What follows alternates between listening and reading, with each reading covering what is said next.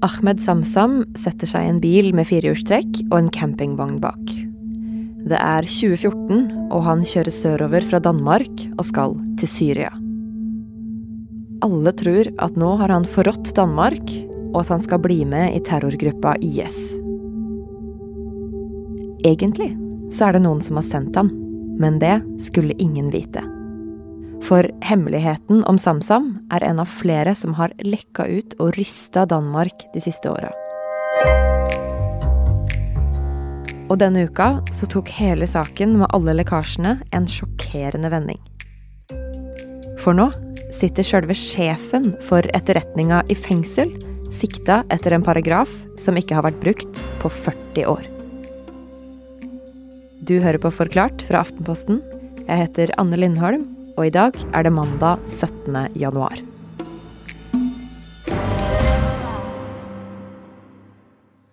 Lars Finsen han har vært helt på toppen. Han har visst eh, alt eh, om hva som har foregått i dansk etterretning. Vi skal huske at han kom inn rett etter 11.9, så han har jo vært en, en ledende skikkelse i liksom den moderne etterretningens tid. Eh, og det var jo allerede kjent og oppsiktsvekkende at det var flere i dansk etterretning som var pågrepet. Men da det var hans navn som kom, da var det nok mange som satte kaffen i halsen. Torkjell Tredal, du er journalist her i Aftenposten. Og åssen havna Lars Finsen her? Da må vi se litt på historien til Lars Finsen. Han er 57 år, men ble født i England, og som barn så kom han til eh, Danmark. Han har sagt i intervjuer at han ville bli skipsingeniør, men eh, etter hvert så havna han på Københavns universitet og studerte juss, og han ble ferdig der i 1990. Et par år seinere så startet karrieren i Justisdepartementet. I kjølvannet av 11.9.2001 så var han kontorsjef i Justisdepartementet. Da ble han spurt om han ville være sjef for Politiets etterretningstjeneste, det vi kaller PST, i Norge. Han var der noen år før han ble sjef i Forsvarsdepartementet, og fra 2015 så ble han sjef for Forsvarets etterretningstjeneste. Så han har jo hatt både Politiets etterretningstjeneste og Forsvarsetterretningstjeneste. Han har vært med hele veien, og i 20 år så har han sittet i innerste sirkel og visste om den danske stats dypeste hemmeligheter.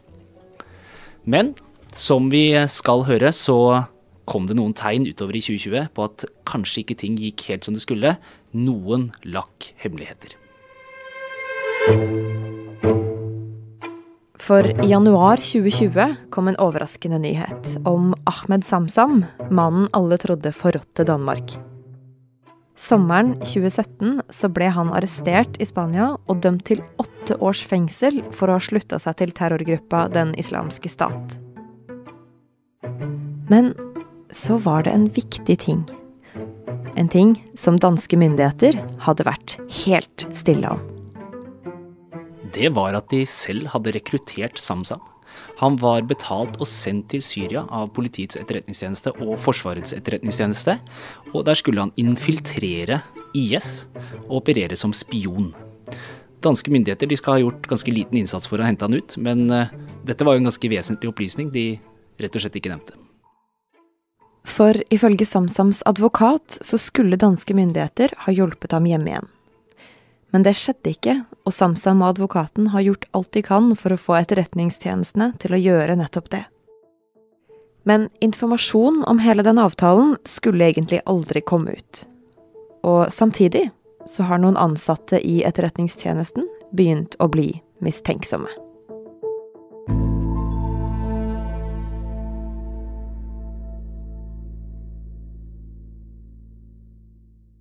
Torkjell, i 2019 og 2020 så er det noe som skjer i den danske etterretningstjenesten, og det er så hemmelig at nesten ingen der engang veit om det.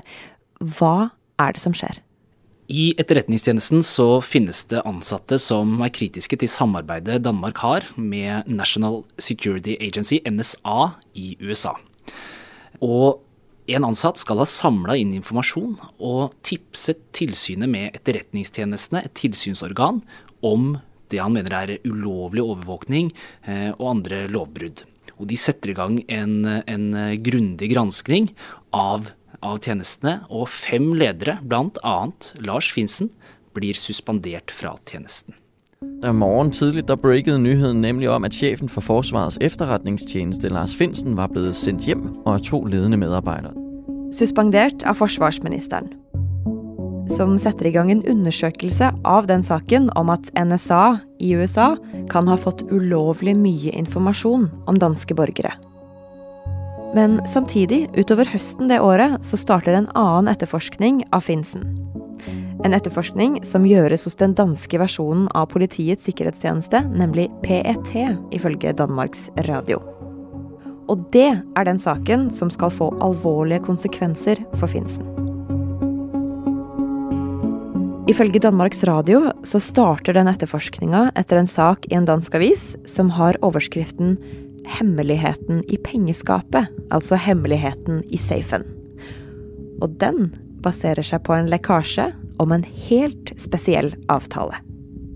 Ifølge avisa Berlingske så handler det om et samarbeid mellom USA og Danmark. I 25 år så skal de altså ha hatt en hemmelig avtale som bare finnes i ett eksemplar på et papir i et pengeskap som sier at USA skal få hente ut informasjon fra danske internettkabler. Dette er en avtale som ulike forsvarsministre med jevne mellomrom da, når de blir satt i tjeneste, må skrive under på videre. Den ene avtalen som ligger i den ene safen. Den ene avtalen. Ja, og det var jo ikke det eneste som Danmark har hjulpet USA med. Hva er neste avsløring? Danmark er et knutepunkt for internettkabler, for fiberkabler. Og Forsvarets etterretningstjeneste skal ha tillatt USA å spionere bl.a. mot Angela Merkel og andre toppolitikere i Europa via sine nettkabler. Den avsløringa den kom i Danmarks Radio, og den skulle være basert på ni kilder med kjennskap til etterretninga. Og akkurat det punktet, at her var det mange kilder som visste om etterretninga, det trigga jakta enda mer på lekkasjer. Eh, og det kom enda flere saker enn det her. Det var bl.a. en sak om, om barn i fangeleirer i Syria som også inneholdt opplysninger ingen skulle vite. Og mens de her lekkasjene fortsetter å komme, så etterforskes Lars Finsen fortsatt på to fronter. Den ene er undersøkelsen om NSA-samarbeidet. Den andre den hemmelige etterforskninga som Politiets etterretningstjeneste gjør. Kilder sier til Danmarks Radio at den er ganske inngripende. Det er bl.a. snakk om telefonavlytting. Og etter lang tid med hemmelig etterforskning, så planlegger politiet å arrestere Finsen. Det skjer i gråværet den 8. desember i fjor. Klokken 09.52 så er Lars Finsen på Kastrup, flyplassen utenfor København, og der blir han pågrepet. Det er en koordinert operasjon. Det er svært oppsiktsvekkende i seg selv at fire personer ansatt i Etterretningstjenesten blir eh, pågrepet. Men det at han, Lars Finsen, er en av dem, det får eh, nesten ingen vite. For retten de forbyr mediene å publisere navnet hans. Og siden Lars Finsen allerede er suspendert og ute av tjeneste, så er det allerede en fungerende sjef i Forsvarets etterretningstjeneste. Så det er ikke bare å avlede derav at det er Lars Finsen som er pågrepet. Nei, For det er nesten ingen som merker at det her skjer, da? Nei, Finsen var jo allerede ute av tjeneste pga. de første varslene om NSA-samarbeidet. Og så skal det nevnes at bare noen dager etter pågripelsen så kommer det en pressemelding hvor Finsen egentlig blir frikjent for denne første eh, grundige granskinga. Men det er det ingen som tenker på nå, for nå er det jo noe mye større i gjære. Nei, for Finsen er jo arrestert nå for mulige lekkasjer. For det er jo ikke det eneste som Politiets etterretningstjeneste i Danmark holder på med.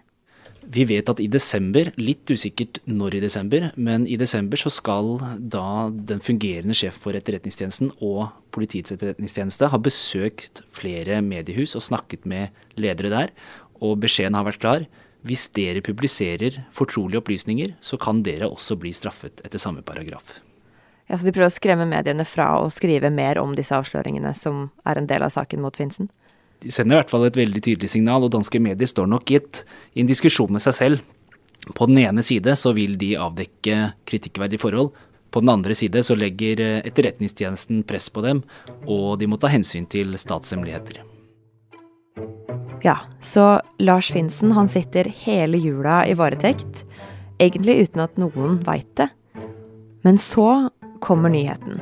Højst opsigtsvækkende viser det sig jo altså i dag, at den hjemsendte chef for Forsvarets efterretningstjeneste Lars Finsen har siddet fængslet i dybste hemmelighed, kan man vist roligt sige, siden den 8. december.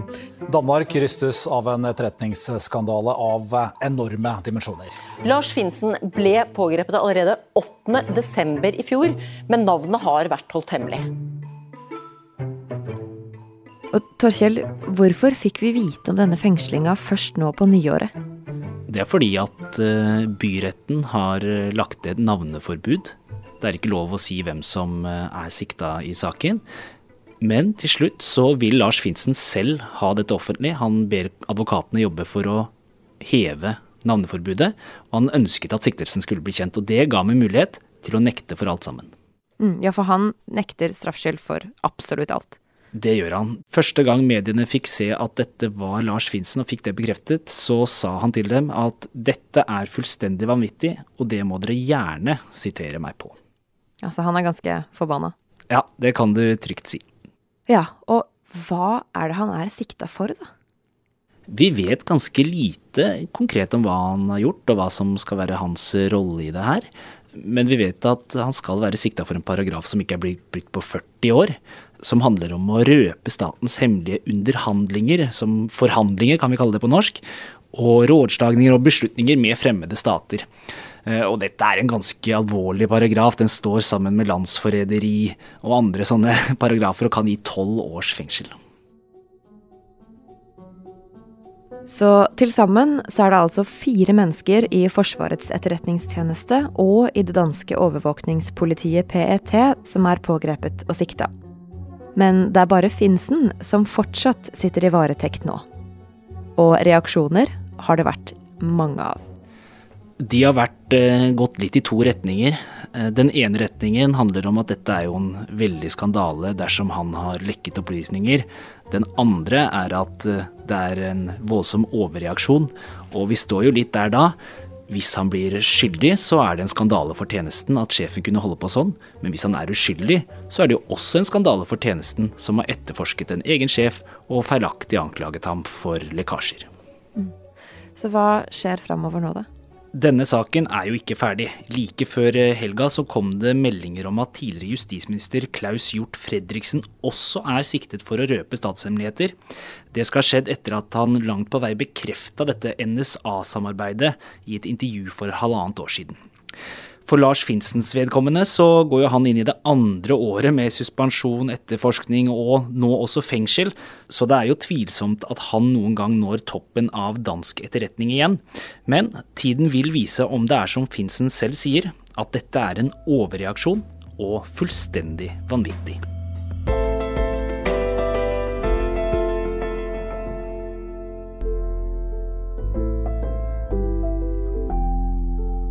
Du hørte Torkjell Tredal snakke om etterretningsskandalen i Danmark. Det er produsent Fride Nesten Onsdag og jeg, Anne Lindholm, som har lagd denne episoden. Resten av Forklart er Anders Weberg, Syne Søhol, Marte Spurkland og David Vekoni. Du hørte lyd fra NRK, fra Danmarks Radio og fra alltinget.dk sin nyhetspodkast Ajour.